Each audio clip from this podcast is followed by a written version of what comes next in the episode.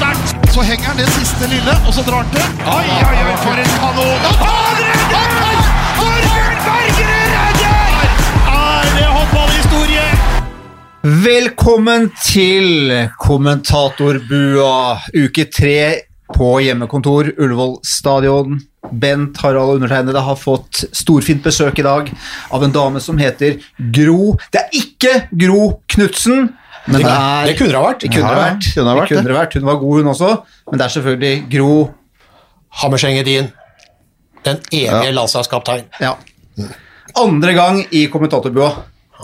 Ja, det er stor stas, altså. Jeg trives veldig godt sammen med dere. Dette er tross alt dama som eh, da i eh, forrige podkastmøte da innrømma at hun hadde spurt kronprins Haakon om hun ville være donor.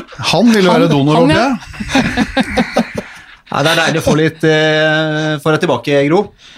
Det er en glede å være her. Er, er du fortsatt gift? Og det, jeg spør kun fordi eh, nå som man er i hva skal jeg si, isolasjon, så er det Jeg har fått noen kompiser som sier at det er tøft å være hjemme med, med kone og barn. Åssen syns du det er, da? Jeg, jeg klarer meg utmerket. Merkelig nok. Vet du hva, Jeg syns at vi klarer oss uh, veldig bra. Ja. Vi har hatt eh, hver vår meltdown. Jeg hadde én dag, og hun har hatt en, en dag. Uh, men eh, jeg er egentlig ganske fornøyd med hvordan vi kommer oss gjennom dagene. Det er hjemmeskole, det er én hjemme fra barnehagen. Begge to jobber fullt. Så da får man leve med at det innimellom blir litt dårlig stemning. Eh, men eh, jeg er gift med ei skikkelig positiv dame som Ja, ser løsninger. Det, det har jeg hørt, og det har jeg sett. For Ja. Hun er veldig sånn sindig og, og kommer med løsninger og ja. Ja, hun er veldig løsningsorientert, og hun tar fullt ansvar for hjemmeundervisninga. Så det er vel der det hadde vært mest trøbbel for meg. Og det er bra, og det er, det, er veldig, det er veldig morsomt å se nå, for nå sitter vi da fire stykker rundt bordet. Vi har én meter mellom oss. Gro kom inn i stad med en pakke med antibac, mens Bent sitter nå og dytter sånn snus opp, Ja, ja, men det må vi ha. opp i leppa. Ja, så Hvis det var noe skurring på mikrofonen, nå, så var det noe bare skurring på mikrofon. Skurrer i alle podkaster her, da. Ja, det er nydelig. Det er Når du legger lokket På, la jeg på bordet. og bunn av den snusboksen mellom på hver sin side av mikrofonen, så kan det bli Jeg er teknisk sjef her, ikke sant? Ja, det, kan bli, det kan bli blei det. Ja, det får vi ja, vite på, ja, da. vi, har håpet Nå på er- ja, vi, har, vi, har vært hjemme. vi har vært hjemme en del, vi Det er mye som er tyder på- som har vært hjemme. Vi har vært hjemme. så, sånn, altså, det, er, det er et godt eksempel på, på koronagreiene. Men, men, men har dette her, Gro, har vi, har vi nå gått fra sånn tidsklemma til koronaklemma? Jeg veit ikke, men jeg tror veldig veldig mange sitter jo og snakker om at nå, nå har vi tid til de viktige, nære tingene, og at vi må på en måte se de mulighetene. Det er jo for så vidt riktig, det, hvis du da ikke fortsatt jobber og har to unger hjemme, eh, og ikke får egentlig det der tidsregnestykket til å gå opp. Men samtidig så tenker jeg sånn Jeg er veldig, veldig glad for at jeg er født i Norge. Eh, Vi er eh, ja, hva skal jeg si, vi har jo trukket vinnerloddet. Fordi at eh, her er det løsninger for de aller, aller fleste. Om ikke det er løsninger enda, så er det i hvert fall det jobbes på for å finne løsninger for oss. Altså, når jeg f.eks. spurte Nora Mørk hvordan det var i Romania, så er det jo en helt annen greie. De har ikke noe Nav-system. Eh, De har helt andre utfordringer. Og så kan vi jo kikke på Spania, vi kan kikke på Italia. Så selv om jeg syns det er travelt, så tenker jeg sånn hver eneste dag Vi er jævlig privilegerte. Ja. Og ikke noe, sånn, eh, ikke noe sånn når du begynner å gå ned på u-landsbiten, men da kanskje verdens aller største i-land. Tenk på hvordan det er der. Ja, Med de eh, sosiale systemene som, som ikke er der, når det rammer da millioner. Så jeg er enig, vi er, vi er heldige. Det er ikke bare vi som er heldige som har Gro i poden, men vi er heldige på en måte som eh, har hverandre og har det støtteapparatet som, eh, som, eh, som er. Ja, fordi, fordi her sitter vi og, og, og klager over at eh, frisøren er stengt. Ja, men når du ser på Bent, det- det så er liksom, er det eh, faktisk en berettiga klage. ja, vi kan jo le litt av det, men, men det er faktisk viktig at vi kikker oss sjøl i speilet nå og tar oss litt sammen nå når vi begynner å sutre for mye. Ok, det trekker det tilbake, Bent. Du ser helt nydelig ut. Nei, men jeg skjønte jo, altså, var jo, Vi var jo så heldige å ha besøk av kona di her før vi skulle begynne, og hun var ikke spesielt imponert av sveisen din heller. sånn at så, Det er mulig det er et tema hos dere. Jeg, jeg, altså, jeg bryr meg ikke om det et sekund. Om det står til høyre eller venstre eller hva det er. Nå må vi konsentrerer oss om å få landet på bena. Ja, det er det. Harald. Det du som er en av Gerhardsens gutter. Sveisen, sveisen, sveisen er, det, er det minste problemet, ja. Men vi skal gjennom en del ting. Ja, vi skal det. Vi, vi skal selvfølgelig Vi må en liten tur innom uh, brannfakkelen til Bent. Ja. Den, den, uh, den brenner fortsatt. Ja. Vi skal snakke litt om uh, Vi skal snakke med Sander Sagåsen. Vi ringer opp uh, Sander om litt for å høre litt rundt alt det der, kluss og utfordringer med europacupene og mesterskapskvalikene. EOF vil jo gjerne ha håndball i gang så raskt som mulig. Ja, og Gro er jo her og starta på en veldig fin eh, hadde en fin betraktning rundt dette med forlengelse av sesong, eh, skader, belastninger osv. Ta og snakke om det Ja. Spillerhelse, Ja. og om det kommer noe Lytterspørsmål?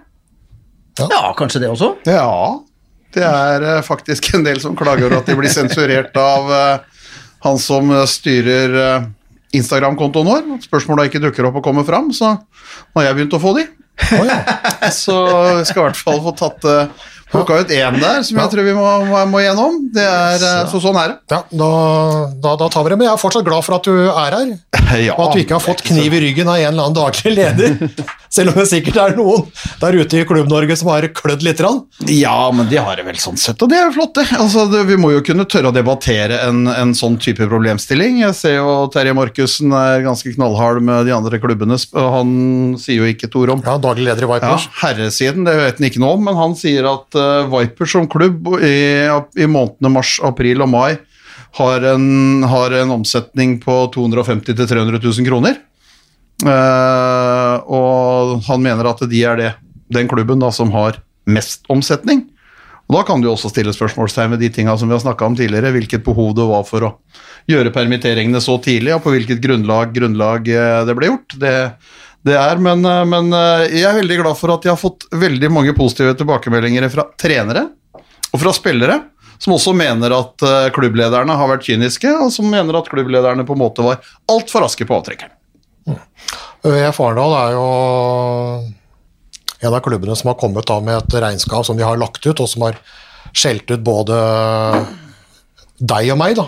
Jeg ble jo dratt med i dragsuget. Vi er jo. Vi er jo er, det er det. troll og tott, så ryker den ene, så ryker den andre. Sånn, sånn er det bare. Ja da, men, Men- Bjørn Gunnar Brun Hansen har, altså, han har jo da dokumentert, vi har jo spurt om han kan dokumentere, altså ikke, jeg har ikke gått gjennom hele dokumentasjonsmaterien, men jeg synes det så voldsomt ut, hvis jeg skal på en måte Uh, ta, ta det. Jeg har ikke vært nede på detaljnivå i, i de tinga som ble lagt ut, men, men sånn er det. Jeg skal ikke ta han på, Nei, på, nei, nei. På, på kalkulatoren, men såpass mye kan jeg si at etter å ha hørt litt, jeg tror også DHK da i Drammen også var ute litt på omsetning i kiosken, eh, og det la jo også ØIF Arendal fram. Og hvis den omsetningen på tre måneder, eller fire måneder, stemmer, så vurderer jeg å si opp jobben min i TV 2 og så overta de kioskene. For da er det rett og slett en jævla mye bedre butikk enn det surret vi holder på med her. Så dere kan godt tenke seg at dere ser meg der. Skal det være en monolitt igjen, Faye? Nå har vi tilbud på Wieneren. Skal det være det, eller vil du ha en ostebrikk? Jeg kommer til å, altså jeg, jeg, kommer til å eventuelt kjøpe opp en del av de her klubbkioskene, for det det er butikk. Det er butikk, altså! Ja. Det er den nye oljenæringen, det. Det, det, kan, det kan fort være det. Jeg tipper at det er, eh, jeg tipper at det er stor møtevirksomhet hos Narvesen bl.a. for å se om det er mulig å knytte til seg noen av de i portefølja si. Men, eh, men det får vi ta en annen gang. Det er, sånn er det. Men eh, jeg står ganske godt i, i den stormen. Men men kan det, kan det, hende, kan det hende at det vi, det, vi, det vi trodde, at Narvesen kjøper opp de der kioskene til idrettslagene, at det faktisk er motsatt? At kioskene i idrettslaget nå kjøper opp Narvesen og 7-Eleven? At det, Må at det, går den veien? Må ringe Reitan, da. Hæ? Og at ut av koronakrisen så kommer altså norske idrettslag, kiosker, til å være det nye, tunge momentet i verdensøkonomien. Ja, det, får jo, Norsk Tipping er jo tungt inne i idretten, sånn at da kan du få, få tippe du får tippelse Så lenge, så lenge du har trav, så er det alt redda. Ja, ja. Men, jeg, skal ikke undervurdere wiener, altså! men Gro, hva tenker du om eh, det temaet her? Dette med permitteringer og Og da vil jeg skyte inn, for Ja. Gro har både vært eh, en spiller, men også sitte i styret i en uh, klubb, betydelig klubb? Mm. Larvik. Ja, det er klart at det er mange aspekter her. Og jeg skjønner godt det at eh, Bent sitt utspill fyrer opp noen. Eh, Noen føler kanskje at det er urettferdig. Eh, Samtidig så syns jeg at du har et poeng. Jeg tror at noen definitivt var litt raske. Og så tenker jeg sånn Hvis jeg ser tilbake på det å være spiller, da, så er det klart at du du er i en situasjon hvor du er veldig pressa.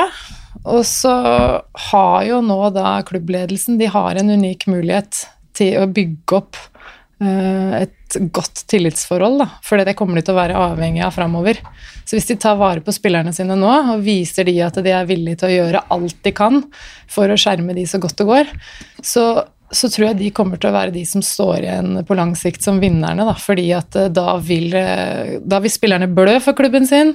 De vil kanskje godta et lønnskutt, som vil kunne være det neste som venter de. Og de vil være mye mer innstilt på å ha den der lagånden da, og fighte to the bitter end for klubben sin. Sånn at jeg tror at de som har klart å, å ta det litt rolig og prøve å finne andre løsninger. Det er de som kommer til å stå igjen og, og være styrka. Men det handler jo om lagmoralen, det handler jo ikke om økonomien. Så det kan jo være at noen av de som da har valgt å ikke permittere, uh, kan ende opp med å stå igjen da og å få et veldig uheldig økonomisk eh, utfall. Da. Ja, det, det, altså det, det vet en jo aldri noe om, men det er jo på en måte det en del av de spillerne som har sendt meg meldinger også, har skrevet at eh, altså, lojaliteten blir jo, blir jo, på en måte borte. De, de føler at, eh, at altså, hvis ikke jeg betyr mer, så skjønner jeg det med økonomi, jeg skjønner alle de tinga der, men jeg syns noen burde kunne gått burde kunne pusta to ganger til og gått en runde, men de, de sier jo at det, sånn sett ved en, ved en korsvei nå, så, så, så fins jo ikke lojaliteten der på samme måte som som det normalt sett ville vært. Og det er en utfordring, for jeg tror at dette her er bare første av flere runder. For dette her kommer til å smelle. altså Økonomien kommer til å smelle. Fordi at I motsetning til, til fotball og de andre større idretter, så drar jo ikke håndballen de store TV-inntektene. Og det er ikke de store publikumsinntektene. Så fundamentet i en klubb er jo sponsorer. Og dette her er jo bedrifter som jo nå får en økonomisk smell. Eh, noen har kanskje avtale med en klubb, men kan bare si at ja, vi har ikke penger. Sorry, vi kan ikke gjennomføre en avtale, eller vi kan i hvert fall ikke fornye. Eller vi må i hvert fall ned i beløp. Så det, til det er en del lag her som kommer til å blø. Uh, og jeg blir veldig forundra hvis ikke nesten alle klubber må inn på en eller annen lønnsjustering uh, hos sine ledere og spillere som fase to i greiene her. Og Hvis du da først har starta med en permittering og rulla litt med lojaliteten, og så er du avhengig av lojaliteten for å få folk ned i lønn, så er det klart at eh, det kan hende at du begynner å bite deg litt i halen, selv om jeg har full forståelse for at en del permitterer, fordi det er stillstand. Uh, og så spørsmålet da, var det noen som var litt for trigger-happy? Uh, var det noen som på en måte har benytta muligheten for å spare penger? Uh, og da tror jeg rett og slett de kan slå seg sjøl i bakhuet også. Men hva, hva, tror du, hva, tror du, dette her med Hva, hva skjer på overgangsmarkedet da? For Jesper Mathisen i fotballen sa det at det, kommer til å komme for, for, Klubber kommer til å begynne å snappe spillere fra hverandre.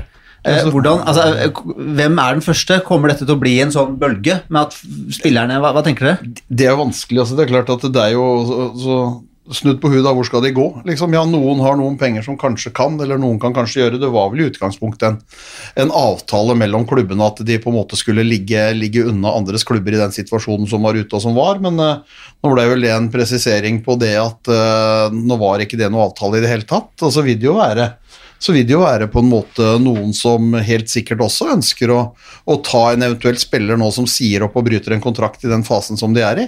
Kanskje noen velger å ta det til en arbeidsrett uh, for å få prøvd akkurat den biten der juridisk.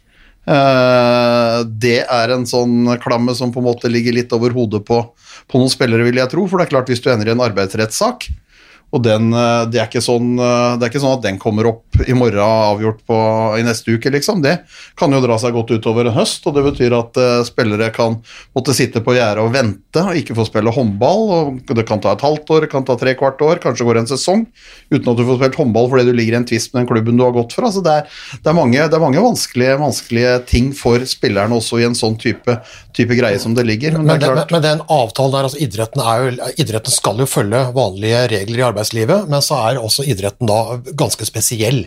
ikke sant? Det er, den, det, er det i hvert fall klubbledere påberoper seg eh, på. Fordi en sånn eh, gentleman eh, agreement, eller gentlewoman agreement, kan jeg ha Gro her? Gentle agreement. Gentle, gentle agreement. Ja. Så, så, så, er jo det fint for klubbene. Det høres jo umiddelbart veldig bra ut. Ja, men ingen går og, går og roter i den klubben der når det, når det er krise. Men for spillerne så er jo dette her helt krise. Altså Først blir de fratatt jobben, og så har de ikke muligheten til å skaffe seg ny jobb. Det er jo det som ligger i permitteringsreglene, at du er fristilt, og du skal skaffe deg ny arbeid. Hvis f.eks. en som jobber da på Klaren-hotellet til Petter Stordalen, som blir permittert der Petter Stordalen kan jo ikke gå til å si at ja, men du kan ikke begynne, begynne på Coop, eller du kan ikke begynne å jobbe for Scandic, eller du kan ikke ta noe annen jobb. Ikke sant? For det, det, det er ikke lov, det. Det er ikke sånn det funker, ikke sant? Så, så for spillerne er jo dette her helt krise, og vi vet jo i håndball øh, så er det jo veldig mange som faller utenfor reglene for dagpenger òg. Ja, og Det syns jeg faktisk er, er, er noe av det verste, fordi altså, de da som på en måte har belaga seg, har flytta et sted, skal studere og ramler utenfor pga. at de studerer, eh, består alle de andre, andre kriteriene som egentlig ligger til rette for å kunne få dagpenger. De tjener mer enn 0,75 G. Det er klart, de er, de de er veldig, veldig vanskelig for.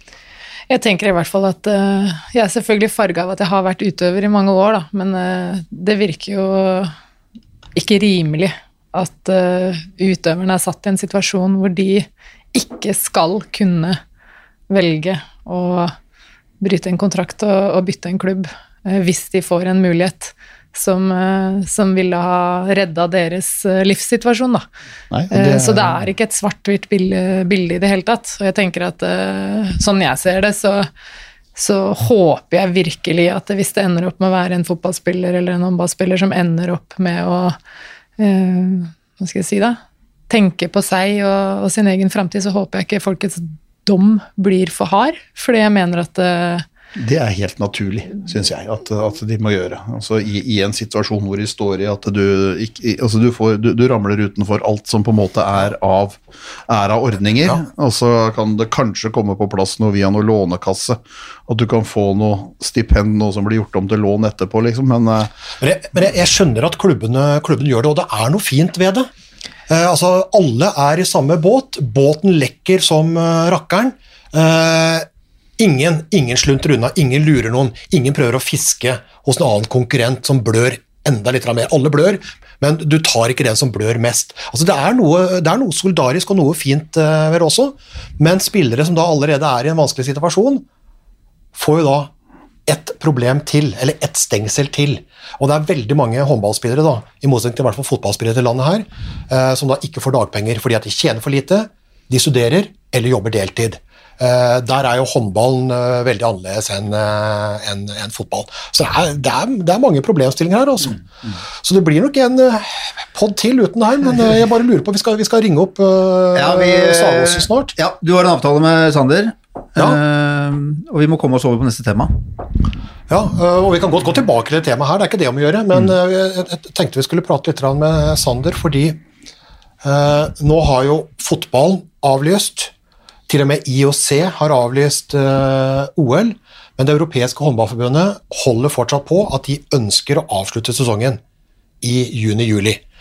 De vil ha alle europacupene uh, inn til Final Four gjort unna i løpet av juni og begynnelsen av juli. De vil ha gjort unna EM-kvaliken 2020 for kvinner. Der er jo Norge direkte kvalifisert som arrangør. Og de ønsker VM-kval 2021 for menn. Der er jo Norge allerede kvalifisert pga. bronsemedaljen i, i VM. Men her er det altså landslag kvinner, landslag menn, EM, VM, det er Challenge Cup, det er EOF Cup, det er Champions League, kvartfinaler, åttedelsfinaler, alt mulig! I en ny konkurranseform i juni. Men for en optimisme, da. Ja, og, og EOF-presidenten Michael eh, har jo fått en del spørsmål på dette, her, og de sier at vi skal forholde oss til koronareglene, men eh, vi ønsker dette her. Og så har det jo da, kanskje det mest spesielle, er jo da at de dytter årets store avslutning, altså Final Four, Champions League-finalene, som da skulle vært avvikla nå i, i, i mai-juni, dytter det for menn til 22.-23. august, den helga der, og for kvinner 5.-6. september. Så denne sesongen skal altså avsluttes idet neste sesong skal starte. Veldig, veldig spesielt. Og det er vel én årsak til at man tenker sånn. begynner på P, slutter på Enger. Begynner på P og slutter på Enger. Mm, og det er ikke Pål Enger, altså, men det er Sjøl om han har mye penger er med Paul Pål, så er det Men eh, det er rett og slett penger. Som, eh, som tidligere spiller og nå også TV 2-kommentator uh, Gro Hammerseng-Edin. Hvordan høres dette her ut? Og Nå har vi bare tatt hovedlinjene, altså. vi kan ta detaljene etter hvert. Ja, jeg veit nesten ikke hvor jeg skal starte. Eh, For det første så tenker jeg jo at eh, det er lite realistisk at eh, det her i det hele tatt er mulig å gjennomføre. Eh, Jeg tror heller ikke det kommer til å være forsvarlig. Eh, Og jeg tenker også at eh, det blir jo spesielt hvis eh, de nå skal gå mange mange uker uten i det hele tatt å få lov å trene noe som ligner på håndball, og så skal de brått inn i eh, noen av de viktigste kampene de spiller i løpet av et år. Eh, og det med at eh, de har skissert en, en løsning hvor det skal spilles Final Four idet den neste sesongen egentlig skal starte, hvor spillere da egentlig skal ha skifta klubb. Da. Det er jo enkelte som skal spille et nytt sted. Eh, det virker eh, egentlig ganske håpløst. Jeg syns det er en dårlig idé. For der er vi, er vi inne på nettopp det vi skal snakke med Sander om. Eh, Sander har skrevet under for Kiel. Ja, på tyskkurs, han. Han har det. Skal vi ta Kan ikke ringe bare Christian Berge. Vi har hørt Grå, Gro, skal vi bare ta og høre Skal vi se om Harald klarer å koble seg opp her. Det der, ja. De tekniske småtinga tror jeg er verre enn den snusboksen min. Altså det.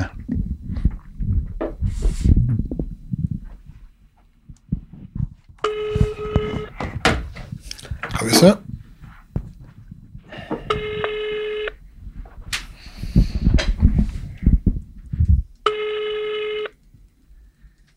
Sander er på tyskkurs.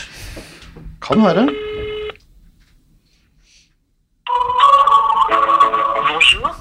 Bonjour. Du 06 11 03 66 64. Merci de laisser un message après le bip. À la fin de votre message, si vous souhaitez le modifier, tapez dièse. Lesander uh, Zagosen. Euh, oui, Harald Bredeli, euh, euh, je suis toujours pommes frites? Det var, det var opptatt hos eller, Kanskje den er i styrkerommet i, i kjelleren? Det kan jo være. Ja. Vi hadde en avtale på et tidspunkt her, altså. Ja. Skal vi ta og sjekke om eh, det kommer, om det kommer noe lyd fra den etter hvert? Jeg som venter på noe godt. ja. Vi gir ikke opp, vi gir ikke, vi gir- ikke, vi gir ikke opp eh, ennå. Og når vi er på hjemmekontor, så er alt mye mer løssluppent. Ja, men, men, eh, men ganske håpløs, sier Gro, Bent. Ja, men det er jo det. Altså, det, er, det er ingen tvil om at for, for det første så er det, altså, det er en del praktiske ting rundt det. Rundt det med å altså, ikke vet om det kan være spillerne som får ikke trent håndball, får ikke holdt på med det. Så er det de andre tinga rundt klubbskifter, hvor da flere skal, skal, skal altså, Noen skal faktisk spille mot hverandre i en kvartfinale om å komme til Final Four, hvor Skjegen skal møte Veszprem. Det er jo Makeda, spanske landslagsspilleren, eh, spiller nå i Skjeged, skal uh, gå til Veszprem. Uh, De møter hverandre i kvartfinalen. Moskovsek, han playmakeren som nå er i Veszprem, skal til Skjeget.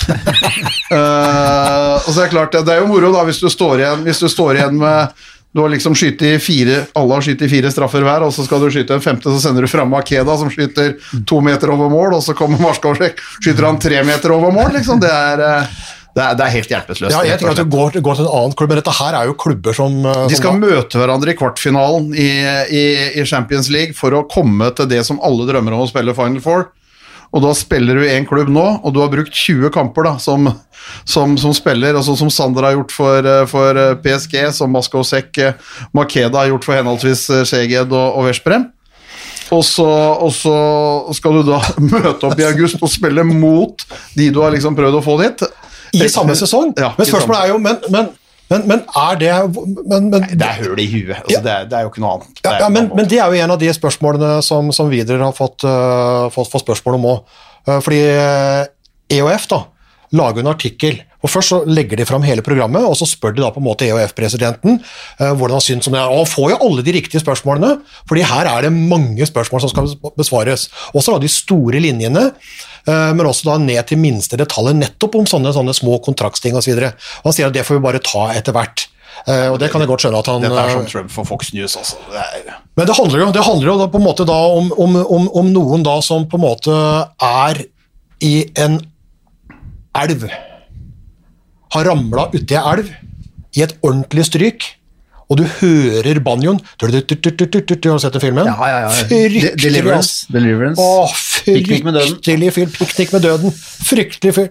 Den, den banjoen den banjoen der, da tyder det på her er det, Nå er det noe. her- nå er det noe. Dette her kommer ikke til å gå bra. Og du er i det stryket.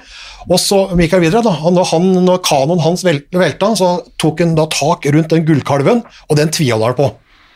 Og han, han, han merker på en måte at fossen kommer nærmere og nærmere, og han er ganske sikker på at han kommer til å, kommer til å ramle utfor den fossen, men det kan hende at det stikker fram ei grein.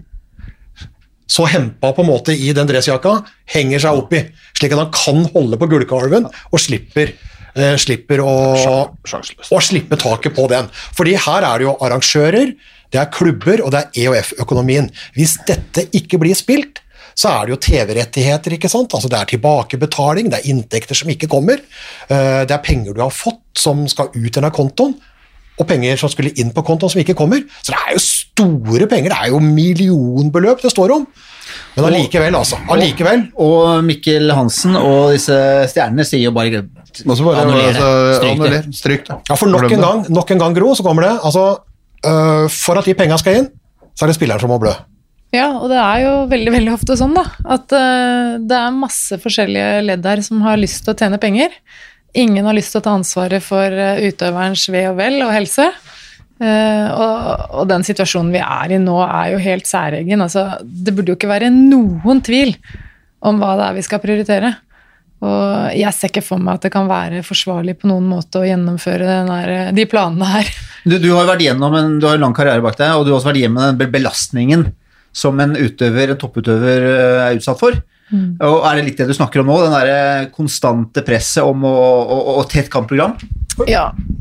Ringer Sagosen nå? Ringer Sagåsen? Ja, han er god gutt, vet du. Han ringer opp igjen. Ok, da gjør vi sånn. Ah, ça va? Ça va et toi Ah, ça va bien. Så bon. Muy bien. Uh, Muy bien, ja. Skal du spille i Spania? Vi trodde du var på Vi trodde, vi trodde, du, eh, trodde du ikke rakk å ta telefonen fordi at én, du var i styrkerommet i kjelleren og gjorde jobben din. To, satt på kjøkkenet sammen med mor og gjorde tysklekser. Det var faktisk tre jeg satt og hjalp lillebror med engelskleksa. ja, ja, ja. Han er hjemme nå. Altså, nå, sitter, sitter, nå, er nesten, nå er det nesten så tobarnsmor Gro Hammerseng Edin begynner å felle en tåre her. ja.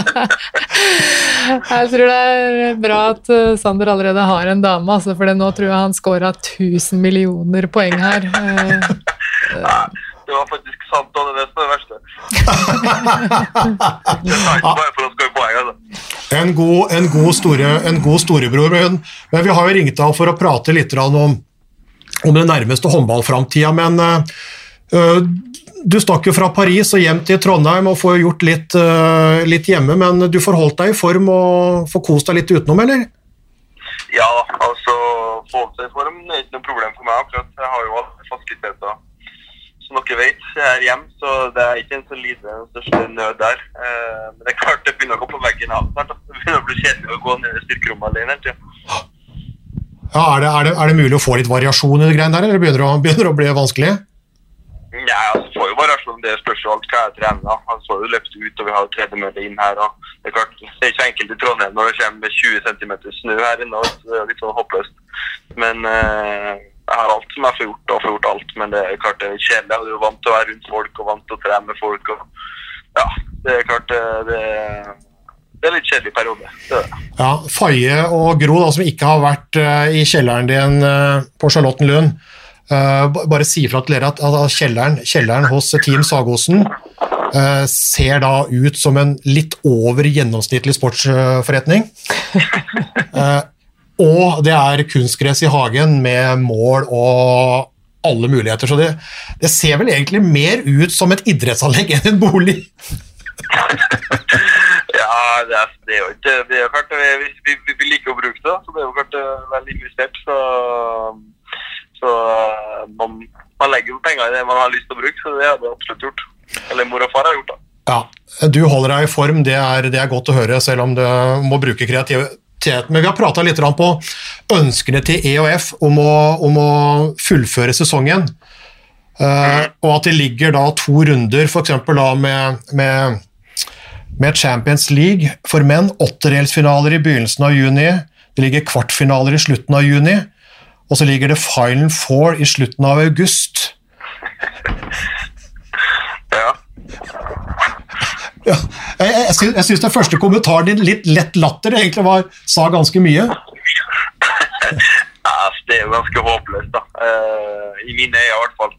Uh, det er klart, jeg er sikker på at alle som driver med håndball, ser på håndball, syns det er artig med håndball, generelt idrett, skulle ønska bare at vi ønsker bare å komme tilbake til vanlig liv uh, per dags dato. Eh, men for meg så blir det litt sånn kriseplan for å prøve å redde alt mulig som, som man egentlig ser går forsvinner litt i det fjerne nå. Så prøver man bare å legge opp en plan for å redde alt mulig, bare uansett eh, sportslige konsekvenser, spillerne sin helse, alt sammen. Bare pakke alt mulig mest mulig inn i en eh, kalender, sånn at du får spilt det ferdig.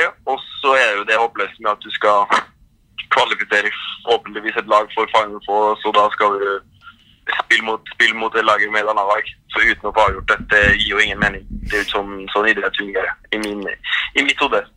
Ja, Makeda og du og noen andre er jo i en situasjon. Når går kontrakten din med PSG ut? Den går ut 30. juni. 30. Det er jo allerede fra 1. juli eh, det er Kiel-spiller, så det er klart da Da må jeg forholde meg til min nye arbeidsgiver. Det er jo sånn det Ja, Altså Det vil jo si da at øh, kvartfinaler, Champions League menn, har siste spilldato 28. juni, så du rekker akkurat den. Eh, og så kan det hende da at Kiel møter PSG i Final Four, og da spiller du for Kiel mot PSG, som du nettopp har kvalifisert til Final Four. Ja, det er vel det som er, er regnestykket, som jeg har forstått. Ja, hvordan høres det ut? Det høres jo ganske komisk ut. Uh, selvfølgelig så ønsker jeg å få spilt ferdig et Final Four. Uh, og denne sesongen her, det er jo det vi har arbeidet mot hele sesongen. Uh, men det å skal kvalifisere et lag, og, og så eventuelt spille mot det laget du har kvalifisert inn der og vært en del av hele sesongen, og så skal møte dem og forhåpentligvis slå dem. Og være med på et lag som ikke du har vært med og kjempa for et helt sesong. Du bare kommer inn på det artigste. Det er klart det, det er jo litt spesielt, det må jeg jo si. Men uh, burde den da egentlig bare ha nulla det ut? Sikkert at det hadde vært kjempefint å avslutte sesongen, men denne sesongen er så spesiell at denne bør du bare sette strek over? I mitt hode så syns jeg jo litt det. Eh, Jeg syns jo at det er det som er som det ligger an. Altså, det er jo ingen andre enn oss spillerne som vil fullføre sesongen, men det må være på premisser som, som gir mening, som er liksom verdt å, å spille for, ikke noe bare dem I mitt hode så prøver jeg å og kanskje klubbene å prøve å redde mest mulig økonomisk med å prøve å få spilt, spilt gjennom alt, men det, det gir mening for meg å skal komme inn i et Final Four med et helt nytt klubb òg. eh, som jeg aldri Jeg har ikke vært med og gjort den drittjobben og spilt alle kampene for å Det føles ikke helt riktig, ja, hvis du kan si det sånn. Eh, det gjør ikke jeg. Nei, og da blir det slik at uh, dressjakkene skal prøve å sikre penga, og så må de draktene da gjøre drittjobben. Ja. Nei, Jeg, jeg jeg synes bare det er sånn, jeg synes det er en merkelig situasjon. Eh, det er klart eh, alle har forståelse for at det er en spesiell situasjon akkurat nå. Eh, og det, det er ingen andre Alle sammen vil bare tilbake til det vanlige liv. Eh, jeg vil gjerne, Selv om det er fint og hyggelig å være hjemme i, Trondheim med familien, så er ingenting annet jeg vil enn å sitte alene i Paris og trene håndball og spille håndball. Men det er sånn det er for alle sammen akkurat nå. Og det viktigste er først og fremst helsa til til kloden, og så må vi liksom da telle opp etter hvert med hva vi får til av sport i mitt hode. ja.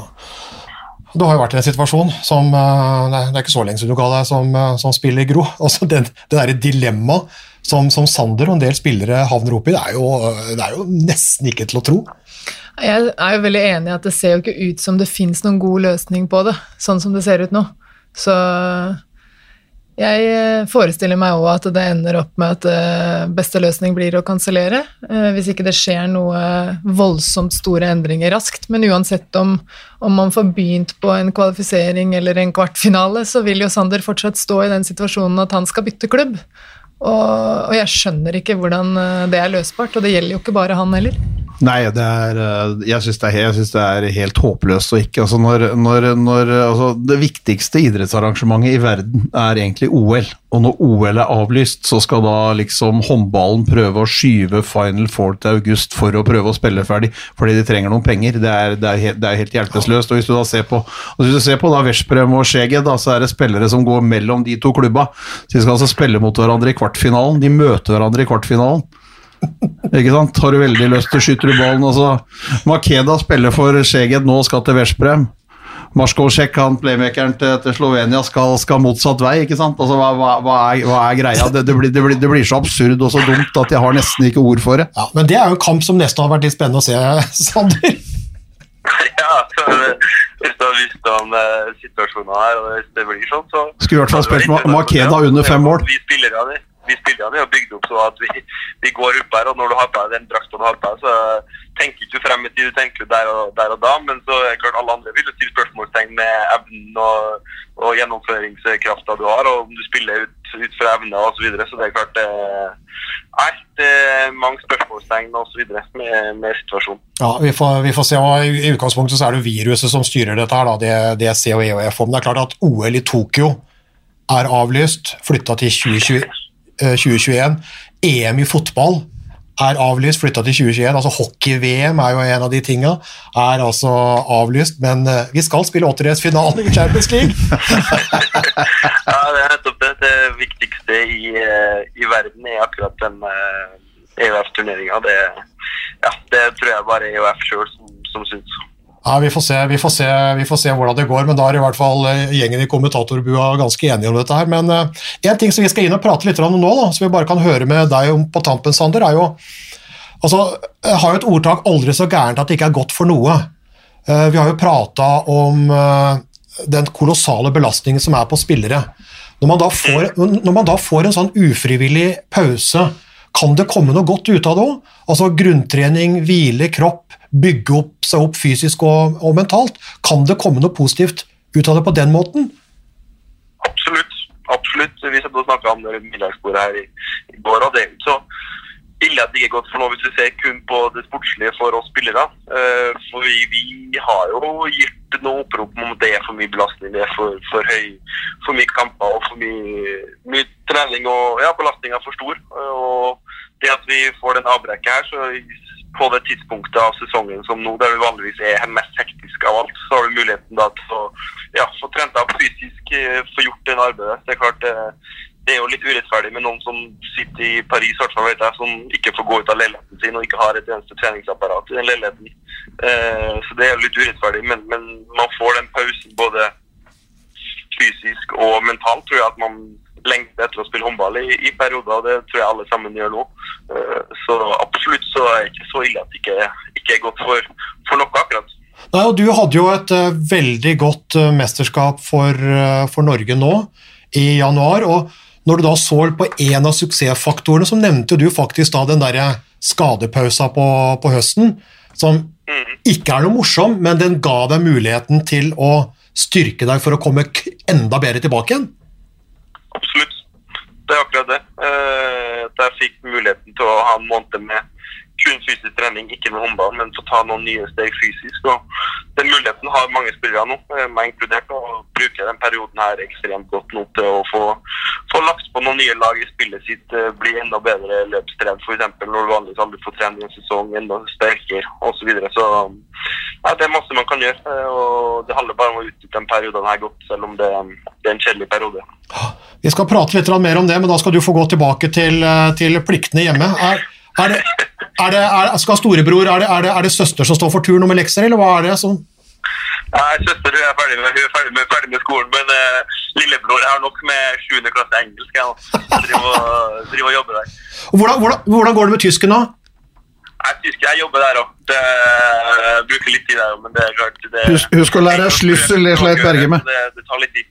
Ja, eh, bare minne om da vi var hjemme hos Berge da, i Trondheim på familien, da da han kom ned til Flensborg en gang igjen, eh, så glemte jo han igjen nøkkelen til leiligheta, Uh, så, og han, han ante ikke hva det tyske ordet for nøkkel var, slik han måtte ringe hjem til mor og spørre hva er nøkkel på tysk, slik at han klarte å komme seg inn i leiligheta. Den kan ikke du gå på, Sander. Nei, nei, nei. Det har i hvert fall ikke ringt hjem til mor. Da må du ha ringt noen i klubben. Jeg ringer ikke hjem til mamma, det er det, det er det Christian Berge som får gjøre. Nei, det, det, det er sånn Christian Berge-style. Ja, håper det. Du, tusen takk, Sander. Takk for at du tok deg tid. Lykke til videre. Det var hyggelig. Ja, ja, um. Jeg må, bare, jeg må bare skyte inn én ting, Sander. Uh, og det er at uh, du må nå slå et slag for uh, økt lønnsomhet og mindre permitteringer i håndver- håndverksbransjen. Så vi eh, Ok. oppfordrer alle elektrikere og snekkere og alt som kan dra hjem til familien Sagosen. Sander står klar med lommeboka og eh, deler ut. Stemmer det? Jeg har betalt nok til elektrikere. For de som lurer på hva jeg mener, hør på den forrige episoden da Sander Sagosen var på telefonen. ja, ja det, var, det var også en fantastisk historie. Ja, det, det spørs hva du legger fantastisk, men eh, jeg byr på det. Må vi på det. Ja, men, men, men, det er, men det er som Christian Berge sier, det er lov til å gjøre feil, men vi gjør ikke samme feilen om igjen og om igjen. Det er akkurat det. Takk skal du ha, Sander. Hvis jeg betaler en gang til, så er, så er, så er jeg godt på den. Da, da, det, det ser i hvert fall aldri ut. Takk skal du ha. Hils, eh, hils eh, hjem igjen, som vi sier. Supert. Takk. Hei. Ja, for det var for de som eh, vi, vi hadde jo, vi hadde jo Sander som telefongjest i Paris eh, ganske tidlig i, i podkastene. For han fortalte at han ble rundlurt av en elektriker. Da. Det var mørkt i, mørkt i leilighet, og han var fersk der. Ja, det var fantastisk, for da, da, hadde jo, da hadde jo han Sander endt opp å betale 4000 euro for, no, for en sånn elektrik, elektrikerregning. Da, det viste seg at han elektrikeren hadde jo starta på 8000 euro, så Sander hadde pruta seg ned til fire. Grovt regna 40 000 norske kroner. Alt mulig. godt fornøyd i hvert fall for, for, for, å bytte, for å bytte sikringsskap som aldri ble blitt. og han betalte da up front.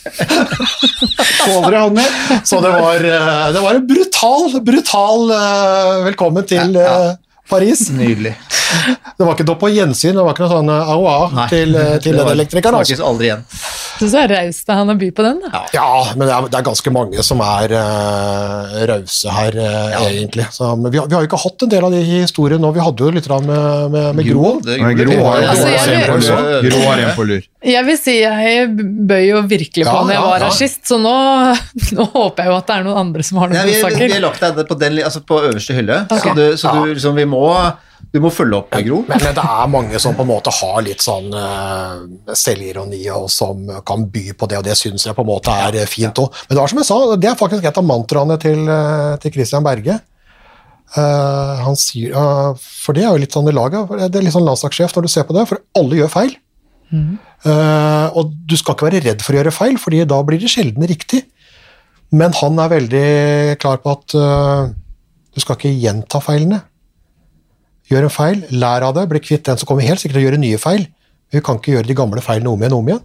Og det er egentlig det er egentlig sånn en greie. Så du kan ikke spørre kronprins Haakon om å bli donor nå, for det har du gjort. Så du mener at det var en feil av meg? Ja, godt poeng, Gro. Godt poeng. Ja, det er fakt ja, nei, det var det jo egentlig ikke. Men det var offensivt. Ja, det var veldig offensivt. Jeg følte at det var litt sånn dårlig at han ikke svarte ordentlig. Ja.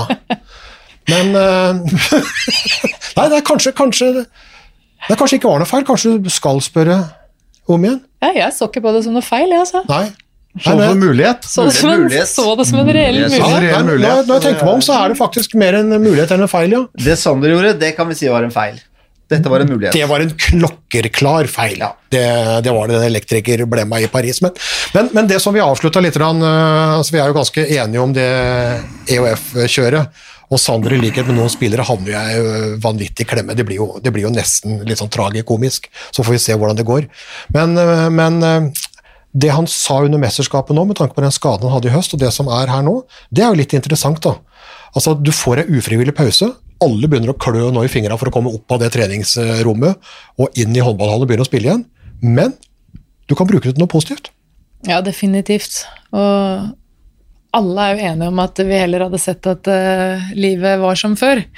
Men når det er som det er, så tenker jeg at det er ganske mange idrettsutøvere og håndballspillere som nesten ikke rekker å kjenne på den følelsen. Fordi det er et sånn evighetshjul, og det er jo en diskusjon som jeg har blanda meg litt i tidligere. At uh, jeg har venta på at noen skal uh, ta ansvar for at de utøverne av og til får seg noen skikkelige pauser. Eh, Så nå har de en, eh, en mulighet da, til å restituere seg, prioritere eventuelle skader de har, eh, og ikke minst det å få lov å kjenne på den der spillelysten. Virkelig lengte etter at nå vil jeg virkelig spille håndball igjen. Eh, Det er jo en positiv ting som faktisk kommer ut av en veldig tragisk situasjon. Ja, for sånn, altså, Sander sier jo det. altså Spillerne har jo stått opp, de har lagd opprop og de har på en måte altså Don't play the players. Uh, vil gjerne ha mer respekt fra de som styrer alt av øh, terminlister og alle de tinga der. Så, så det er klart at uh, sånn sett så kommer jo noe ålreit ut av det, fordi at de da istedenfor å være inne i det som kanskje ville vært den hektiske perioden for mange av de noen gang, Eh, så blir et OL avlyst, og så blir det litt andre ting avlyst, og så blir det en sånn pause hvor du da kan lege skader, er, er en viktig del. Altså det å få ro og bare trene grunntrening og få, få lega en god del skader, om det er såre skuldre eller om det er eh, sånne ting. Så, så det tror jeg er viktig, og jeg tror jeg er ganske sikker på at det også vil kunne være karriereforlengende for, eh, for en, god del, en god del spillere. Og da tenker du på Nei, altså Vi har jo en 90-91-generasjon som nå er kjernen i det norske damelandslaget. som har, Mange av de har vært med på absolutt alt siden de var 15 år. Eh, kun avbrutt av, av noen skader og vært unna det. De har spilt uh, ungdomsmesterskap på EM og VM, og, og så rett inn i et A-landslag og, og vært med på alt mulig som er der. I tillegg er de stamspillere i de største klubbene i Europa som, som går til, til Final Four-turneringen, så det er de som har den aller største belastningen. Og da håper jeg at vi på en måte kanskje kan trekke veksler på de enda litt lenger når de får et ufrivillig, men, men kanskje et sårt tiltrengt eh, sårt tiltrengt avbrekk. Og så tror jeg det er viktig for, hvis vi ser sånn skal være litt norske, se på det norske damelandslaget. En Katrine Lunde får nå spille en sesong før hun eventuelt skal spille. Gratulerer med dagen, faktisk. De var 40 i går, søstrene, søstrene Lunde. Så, så de, de får spille en hel sesong hvor de slipper å rushe inn i en OL-turnering, men rett og slett kan bygge seg opp gjennom en sesong med klubbspill. Vi står bedre rusta. Det er positivt for Norge, og det er positivt for dem som utøvere. Samtidig så har jeg lyst til å skyte inn at det at vi nå får en pause, en ufrivillig pause, det må ikke bli en hvilepute for den jobbinga som må gjøres i framtida på å redusere den belastninga på topputøverne, spesielt eh, over tid. da. Og det har jo også vært en diskusjon med yngre utøvere.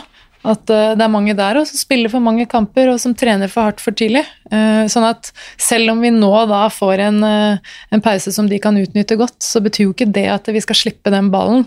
Fordi det er jo ingen som har tatt det ansvaret enda. Og, og jeg er også veldig spent nå på hvordan de løser det i sommer hvis det plutselig åpnes opp for å spille kamper igjen. da. For da er det jo utøvere som går fra å ikke ha vært i duellspill, de har ikke hatt noe håndballignende trening, og så skal de da kanskje plutselig bli dytta ut i kamp igjen. Det er nok en gang et tegn på at det er folk som tenker på helt andre ting enn spill spillernes ve og vel. Ja, starter på P og slutter på Enger. Mm. Fortsatt ikke Pål. Nei. Eh, og uh, det europeiske håndballforbundet EOF og det internasjonale håndballforbundet IOF sier jo på en måte at de er obs på dette her og skal ta. Og det gjør jo litt om på EM og VM. Det blir noen flere hviledager. Det skal etter hvert ikke være slik at du spiller to kamper to dager på rad osv., men enn så lenge har de ikke fått rydda nok opp i det. Og Samtidig så vil de utvide Europacupen, alle som holder tak i en eh, pengesekk, vil ikke slippe den. Og, og, og Det er jo sånn typisk da med, med, med håndball, da, som har mesterskap hvert år. Eh, som jo ikke er så vanlig f.eks. i fotball og en del andre ting. Det er vel skiskyting og noen andre som, eh, som, eh, som har det. Og så kutter du ikke ut det mesterskapet i et OL-år heller. Fordi det er IOF som har OL, og EOF som har EM, vil jo ikke slippe EM i et OL-år, så da blir det liksom to mesterskap. Og dette året her er jo på en måte himmel og helvete-året, hvor du får tre mesterskap på 13 måneder, og sommeren hvor du da på en måte liksom kan legge deg lite grann, blåse opp den der luftmadrassen og legge deg litt uh, ned på stranda, Uh, så vil du da i en OL-sesong, ikke sant? dette her har du jo vært gjennom, Gro, Eh, selv om du da får litt ferie innimellom samlingene, så er det landslagssamling i juni, det er landslagssamling og OL i juli, og så er det sesongoppkjøring med klubb i august, så det er rett og slett ikke Det blir liksom ikke sommer. Nei, og Det ender jo da ofte opp med at til slutt så må noen av de utøverne som, som spiller mest og er de beste, da, de er nødt til å hoppe over mesterskap, f.eks. For, eksempel, for at det, det går ikke i lengden. Og jeg sjøl var jo helt skakkjørt etter OL, og spilte vel da en, eh, en ligakamp i Danmark en uke etter at jeg kom hjem fra OL, cirka. Og, og hadde jo da ikke lårmuskler i det hele tatt i det ene låret. Fordi jeg ikke hadde fått trent styrke på evigheter. Fordi jeg prioriterte at jeg skulle prøve å komme meg gjennom et OL. Og tok jo da et års pause fra landslaget. Før jeg da spilte et nytt mesterskap. Og Husker bare etter, eh, etter OL i, i London. eh, mange klubber ute eh, ga jo spillerne fri. Eh, norske klubber ga spillerne fri. Danskene gjorde det ikke. Eh, jeg husker Amanda Kurtovic. Det var jo da ting starta for Amanda. eh, første runde. Og Marit Malm Frafjord, som nå skulle gjøre comeback. Kom da rett fra OL i London, og så har du da en ordentlig hurra meg rundt gullfest. Og når du våkner opp der, så er det rett i trening i Wiborg. Det gikk gærent med begge to. Eh, knær og skuldre av gårde, og det er, vi snakker om måneder og år ikke sant, for å reparere de skadene. Og når du prater om 90-91, så er det klart, der er jo Nora Mørk med sine slitasjer nå. Der er Amanda Kurtovic med sine slitasjer. Der er vår forrige podgjest, Veronica Christiansen, som så ut som Superwoman, men som nå har slitt eh, da med dette tissebeinet, som jeg kalte det, eh, i, i, i to år. Eh, og det er flere andre der som på en måte har slitt. Stine Brenner Lofstad, landslagskaptein, er jo en av de som bank i bordet så langt har eh, klart å komme unna eh, det største. Og Har bare da hatt eh, mindre rusk. Ja, og det er, det er jo ikke dit vi vil. Vi ønsker jo ikke at det som på en måte skal være den største håndballfesten i løpet av et år, altså mesterskapene hvor alle de beste skal være og skal være samla, vi ønsker jo ikke at det skal gå uten en Mikkel Hansen eller en Sander Sagosen eller en Nora Mørk eller en Stine Brea Oftedal. Eh, altså det, det er jo ikke det vi ønsker. Altså det, det vil jo også til syvende og sist gå utover produktet, som til syvende, syvende og sist også da sannsynligvis vil justere betalingsviljen til de som er med å betale på det. Så det er, det er, det er en runddans som er, er uhyre vanskelig, men, men de er nødt til å ta hensyn til, til de Ja, for Hvis du som spiller, Gro, øh, må prioritere, øh, så har du veldig lyst til å spille for landet ditt, men inntekta di ligger i klubben. Så hvis du skal velge mellom å spille for ære eller å spille for penger, så velger vel de fleste penger. Skal leve. Det er i hvert fall et kjempedilemma å være da f.eks. Uh, spiller i en klubb da, som uh, syns at du bør holde deg hjemme fra samling fordi at du har rusk i maskineriet, og så har du et landslag som gjerne vil at du skal være der, eh, og så har du jævlig lyst sjøl. så du havner jo i klem eh, i mange, mange, mange situasjoner eh, som det er vanskelig å være utøver, rett og slett. Ja, det, det er jo de beste spillerne som da har best betalt i klubb, og klubben har sine forventninger og lagt, lagt tingene til det som da skaper grunnlaget for, for inntekter der, som er de beste spillerne på landslaget, som gjør at, eh, som gjør at, eh, at, eh, at det forbundet du da spiller for, henter de sponsorinntektene som de gjør. Altså, altså in the end da, så er det da de, de internasjonale forbundene, om det er EOF eller IOF, som, som da arrangerer disse mesterskapene, som da er dems inntektskilde, hvor de da er helt avhengig av, helt avhengig av eh, de artistene som, som kommer og skal delta. Så, så det, er, det er en runddans som, eh, som, som jeg syns er, eh, er på ville veier. Så får vi se. Vi fortsetter å mene og kommentere og ta opp sakene. håper at spillerne har organisasjoner som, som tar opp dette, slik at vi ikke havner, de havner i samme elva som EOF-president Michael Widerer Jeg tror han må håpe på svømmer i nå, motstrøms med gullkalven hengende fast i, i, i blazer. øh. Jeg tror han må drømme om en bever som kommer, ja, som han kan henge seg på der som han kommer til land. Det er, er vel eneste sjansen han har. De greiene der er ikke, er ikke mulig å holde. Ja, for det er ikke sånn at de spør om er det en lege i hallen, de spør på en måte er det en Er det- bever i elva som kan redde IHF-presidenten. Fins det en bever som kan svømme meg til land? Men det som er helt sikkert, er det at eh, da, vi, da all sport ble lagt ned, og vi lurte på hva skal vi snakke om nå Altså, det, det, det har jo gått bra hittil. Jeg har aldri hatt så mye å snakke om. Nei? Det har vel aldri det vært et stort problem med disse kara her, at de har hatt problemer med å finne noe å snakke om. Ja, vi, vi, vi burde ha tatt koronapause, men i stedet så måtte vi flytte lokaliteter, og så måtte vi holde litt avstand rundt bordet. Ellers så, så, er det vel, så er det vel nok å prate om. Men vi, men vi kan godt runde av nå. Ja, vi skal ikke runde av helt ennå, Harald. Men vi kan runde av, begynne å runde av. Det er så bra, fordi Harald liker å runde av, jeg liker ikke å runde av, og så finner vi en sånn fin hybrid på det. Og i dag så blir det dessverre ikke noe tid til lytterspørsmål. Uh, Nei, gjør det. Kom igjen, Bent. Hva du tatt Jeg skulle ta lytterspørsmål allerede Ja, vi gjør det. Ja, ja, ja. Bli ferdig med det. Ok, den er, eh, Det er nesten som en norsk stil. Skal vi se her, da skal jeg bare finne Jeg måtte ta bilde av det, det. er, det er vel han prinsen fra Sandefjord, tenker jeg. Uh, jeg fikk da en uh, hyggelig melding hvor det står 'Hallo, Bent'. Får mine spørsmål til kommentatorbua til stadighet sensurert av Faye. Prøver derfor å sende til deg. Strålende show, by the way. Da kommer det 'Hei, kommentatorbua'. Årelang fan fra Sandefjord med en forespørsel. Jeg så en kvalitetsmatch mellom Herulf og Njord den 7. januar 2008. Det var en jevn match hvor Herulf til slutt dro ifra og vant 31-8. Målvaktsduellen ble vunnet av Herulf sitt 45 i år, altså det er snittalderen er på to målvaktene. Gamle keepere, et ålreit par der altså. Når det er sagt, så gjorde Njord sin keeper en hederlig innsats med tre redninger.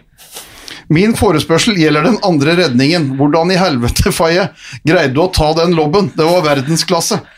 Ser jeg fram mot svar i podkasten. Ja, og det, det er klart at den sensurerte jeg helt eh, soleklart. Men hadde, hadde du en kamp med hele tre redninger, Faye? Ja, det var, det var en eh. Den var bra. Den var bra. To av dem var i stanga, da. Så jeg, jeg tror jeg snubla. Altså, jeg vet hva? For, nå skal jeg være helt ærlig.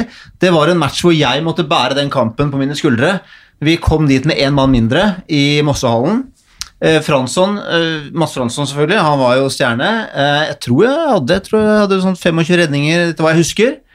Uh, ingen som dro på meg? Nei, nei, det var, det var jo tre. Nei, at du, måtte Ja, bære, at du måtte bære den kampen når dere taper 31-8, og du sto i kassa for en jord. Du, du må huske på det at han, han har lest opp dette her i en artikkel. ikke sant? Dette er Andreas Øvrum. Han, det er en gammel lagkamerat fra, Nors, han er fra Sandefjord. Spilte sammen i Nordstrand for 20 år siden. Og det er klart at Jeg sensurerte jo det jeg gjorde om det spørsmålet til eh, Han kaller seg for Prinsen fra Sandefjord eh, på Instagram. Og han må du holde deg helt unna, Gro. For han er, eh, han er ikke god. Den mannen er ikke god. Jeg synes, ja, men jeg syns han stilte et betimelig spørsmål. han hadde et veldig godt spørsmål, synes Ja, det synes jeg. Jeg fatter Det- ikke hvorfor det her er sensurert. Og du skal, du skal prøve å prate deg bort med at du bærte kampen for Njord hvor dere tapte 31-8. Vi hadde jo ikke spillere, vi hadde ikke utespillere. Nei, så du sto alene i mål? Ja, mer og eller mindre. bare- Ja, og så- da er det ikke så gærent å slippe inn 31 mål. Ja, så kampen var som en sånn keeperoppvarming, liksom? Hele De tiden. skjøt bare på deg. Bare på meg, hele Ja. tiden. Ja. Det er det jeg kan si til mitt forsvar, og så er det Så Njord dro til Mossehallen med én mann, var det for Ja, du har vært i Sverige og handla først? Nei, det, var, var, det, var, det var helt kollaps i denne sesongen her. Det var det. Gro husker jo vi, vi er jo nesten samme alder, Gro. Du husker jo meg fra den tiden jeg spilte, ikke sant? Er, er det lov med en liten hvit løgn nå, for å sørge for god stemning i studio? Nei, du gir ingen verdens ting. Jeg vet at han ga deg kaffe før Jeg, jeg må være ærlig, jeg husker deg bedre fra, fra Tinder. Ikke Tinder, men Tinder? Uh, Lystig lag. Hos Randi? Uh, hos Randi. Ja. Det er der jeg husker deg fra, så ikke fra Antakeligvis der har gjort deg mest bemerka òg. Ja. Ja. Det er noen, det er noen eh, I fotballen så prater vi om Øyvind Leonardsen best uten ball. Uh, Faye, Best på fest. best på fest. Ja, det stemmer, det. Det er greit. Det er lenge siden jeg spilte, men uansett, det var, det var et betimelig spørsmål. Det var det. Men nå ga jeg deg en utstrakt hånd. Du, Ja. du hadde muligheten til å runde av. Ja. Ja, nå gikk, ennå. nå, fordi at- nå gikk du i din egen felle. Ja, ja, fordi at uh, Vi må jo nevne det at uh, jeg fikk en snap av Bent i går. Hvor, he, hvor hele familien hadde sånn hjemmegym på verandaen. Ja. Og da var det én som sto og hoppa hoppetau. Det var selvfølgelig datteren din. Ja. Og så var det Vigdis. Ja. Hun kjørte noen sånne en, ettbeins knebøy hvor hun så litt stygt inn i kameraet liksom ikke Ja. film. Og- Og så var det en som filma. ja. Og hva, hva gjorde vi? Ja, men altså, vi, jeg har jo ikke, altså, Erik Libek kan jo ikke komme hjem til meg når vi trener. Noen må filme. Ja. Altså, han eneste som burde ha trent, han var fotograf. My point exactly. Ja, ja. For de må huske på det, Gro, at disse gutta her de har en slankekonkurranse. Åhå, det visste jeg ikke. Den går det usedvanlig dårlig med, faktisk. Når er det liksom eh, deadline på den, da? Hvor Det er innveiing en eller annen gang i løpet av, men da er det sånn koronapause. Det er innveiing en eller annen gang på sommeren. Jeg har gått en mil faktisk til Morandafai, hvis du sånn sett lurer på det. Og, og det tror jeg på. Og Ja. de snakka om det gå på to mage, men så spurte jeg, var jo Torunn her, kona til Harald var jo her i stad, så jeg snakka litt med henne mens Harald var inne hos eh, Hein. Og da sier jeg at eh, Torunn, du må få Harald opp om morgenen, og så må du gå på tom mage, da forbrenner du mest. Og så sier, sier hun at det var et mirakel en gang hvor Jesus gikk på vannet, og, og, og, og, og de miraklenes tid er, er over. Eh, Det, det var som hun sa, jeg skrev det opp her, man får ikke blodpumpa når man går med Harald. Nei. Hva er det som skjer da, Harald? Nei, men Plunder er altså å få den opp om morgenen. Det tror jeg faktisk er verre Men det er, det er faktisk mer sannsynlig at Jesus faktisk gikk på vannet, enn at jeg skal gå på tom mage. Eh, Det tror jeg vi kan si. Men nå har jeg faktisk eh, vært ute på søndag, var det to turer. Ja. Du vet at jeg er så dårlig form at jeg må starte med å bare gå litt puls og bli litt sånn varm i panna. Men, men på søndag var det to turer. Én oppe på Ekeberg med Elsedatter, og én rundt Lysakerelva, som er et fantastisk flott område i Oslo, eh, med, med resten av familien. Og i går var vi også ute langs eh, elva og gikk litt, så jeg har faktisk tre turer nå. Tre små turer på to dager. Så det er jo bra. Kutta ut litt brus og droppa litt godteri. Uh, og vekta står bom fast. Ja, men det er klart at Når du sier droppa litt brus og litt godteri, da veit vi hva som skjer. Men Gro, hvordan klarer du å holde deg så slank? Er det kosthold, eller er det trening, eller er det gener, eller hva er det? Det er alle tre, tenker jeg. Det er at jeg både trener, og det er litt gener. Og jeg er faktisk også ganske fornuftig i forhold til hva jeg spiser. Fordi jeg, jeg er jo bortskjemt med at jeg har vært i form i over halve livet, da. Og da har jeg vent meg til den følelsen. Og jeg orker ikke å Se som heter meg. Nei, ikke Bare si det, du kan være helt ærlig. Men jeg kjenner at eh, formen er jo ikke i nærheten av hva den var, men jeg er i ålreit form, og den følelsen den liker jeg veldig godt, og så har jeg lyst til å leve lenge. Eh, Så jeg gjør det jeg kan jeg, for å ta vare på meg sjøl. Og noen ganger så trener jeg rett og slett bare fordi at jeg skal kose meg med den kaka på kvelden eller den pottisen eller et eller annet, fordi da kjennes det liksom litt mer riktig, da. Eh, Men det er ikke noe det derre føler ikke det er noe overdrevent fokus på det, men for meg er det å trene like naturlig som, eh, som det å pusse tenner.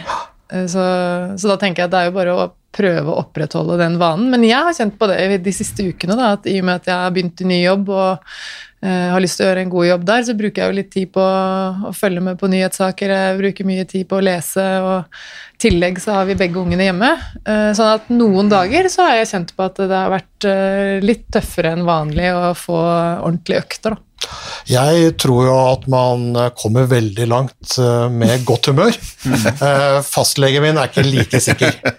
Han sier at eh, godt humør det hjelper definitivt, men du skulle kanskje lagt til et par ting til også. Rørt på noe annet enn kjeften kunne ha hjulpet litt, mener han da. Jeg skal ta deg med på noen turer, Harald. I morgen vi står opp klokka åtte, og så går vi i to timer i skauen. Du mener klokka 20, ikke sant? Klokka 8 Det er morgen. Hæ? Ta med Harald på det. Det hadde vært jævla moro. Ja, men nå er det på tide å runde av snart, vel. Nå må vi, nå må Nei, vi vi snart ha, det, vi det, nå må vi snart ha en kaffe og en kanelbolle. I disse, i, Det er- i, det er helt korrekt. I disse koronatider, som man sier, jeg er jævla lei av det uttrykket, så hva gjør folk nå? Jo, de sitter hjemme, og så ser de på serier. Og jeg skal komme med et lite serietips. Ja. Og spørsmålet er, ok, jeg vet at du garantert ser på Netflix, ikke Ja, ja, sant? Gjør du det? Netflix. Ja? Nei. Nei. Gjør du det, Da? Ja, det har blitt faktisk litt uh... Men jeg ser på Sumo. Ja, okay. Dette er en TV2-podkast. Ja, ja, ja. Vi. Men jeg ser, jeg ser, veldig, jeg ser veldig mye på Jeg ser altfor mye på TV, da, og jeg strømmer en del òg. Jeg, både, både, jeg ser både lineær-TV, jeg er såpass gammel at jeg ser både lineær-TV, og jeg ser mye på uh, Sumo. Uh, før var det jo veldig mye sport, men nå har jeg måttet bytte, bytte sport med noe annet. Så jeg har vært både på Netflix ja, og, på Netflix. og, HBO. Mange flotte serier. Da skal dere få et eh, tips her. Kan være at du har sett den, Gro. Jeg vet, ja, får vi se, men Har du hørt om en serie som heter Don't Fuck With Cats? Nei. Nei? Den må dere se. Det er true crime. Den høres helt idiotisk ut. Den lå lenge på lista mi fordi tittelen var så dust, men den er så rå. Så alle som hører på, bare På norsk så er den oversatt til 'Ikke kødd med katter'. Don't fuck with cats.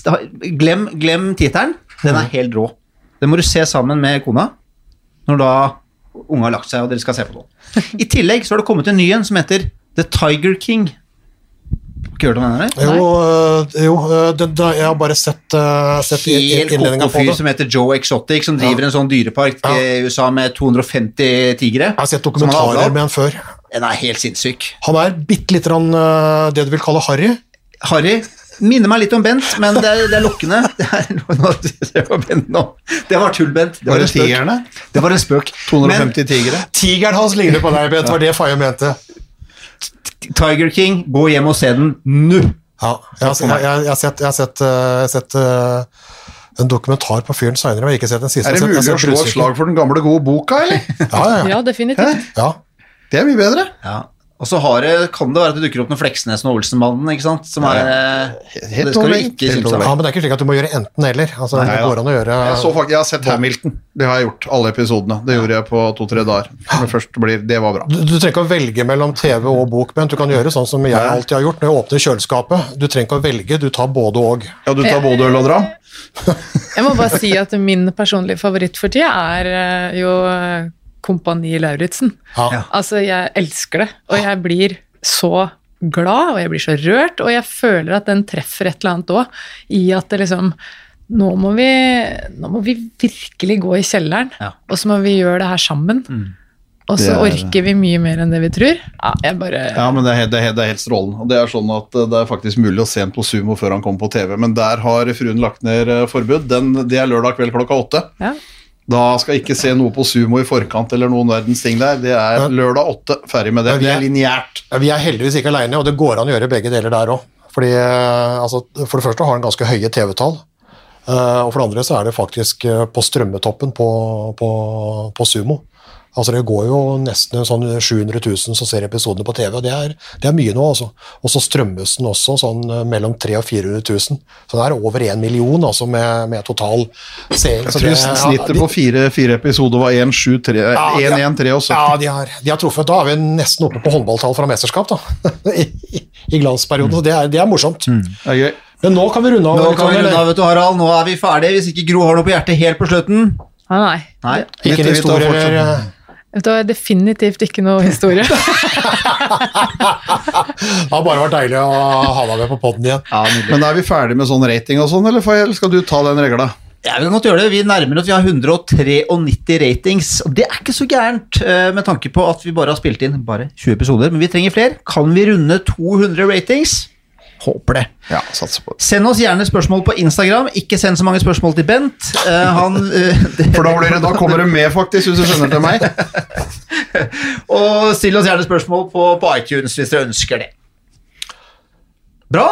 Takk for nå. I like måte. Snakkes i uka. Opp gjensyn, Gro. Påske, da. Veldig bra. Husker du den kampen i, hvor jeg sto så jævlig bra, Gro? Du var så, du, Vi ble enige med og på nå, ikke sant? Var, uh... Ja, nå tror jeg faktisk jeg trykker på av, jeg. Oi, oi, oi, oi, oi. Det er råsterkt. Så henger han det siste lille, og så drar han til. Oi, oi, oi, for en kanon. Han redder! Torbjørn Bergerud redder! Er det håndballhistorie? Moderne media.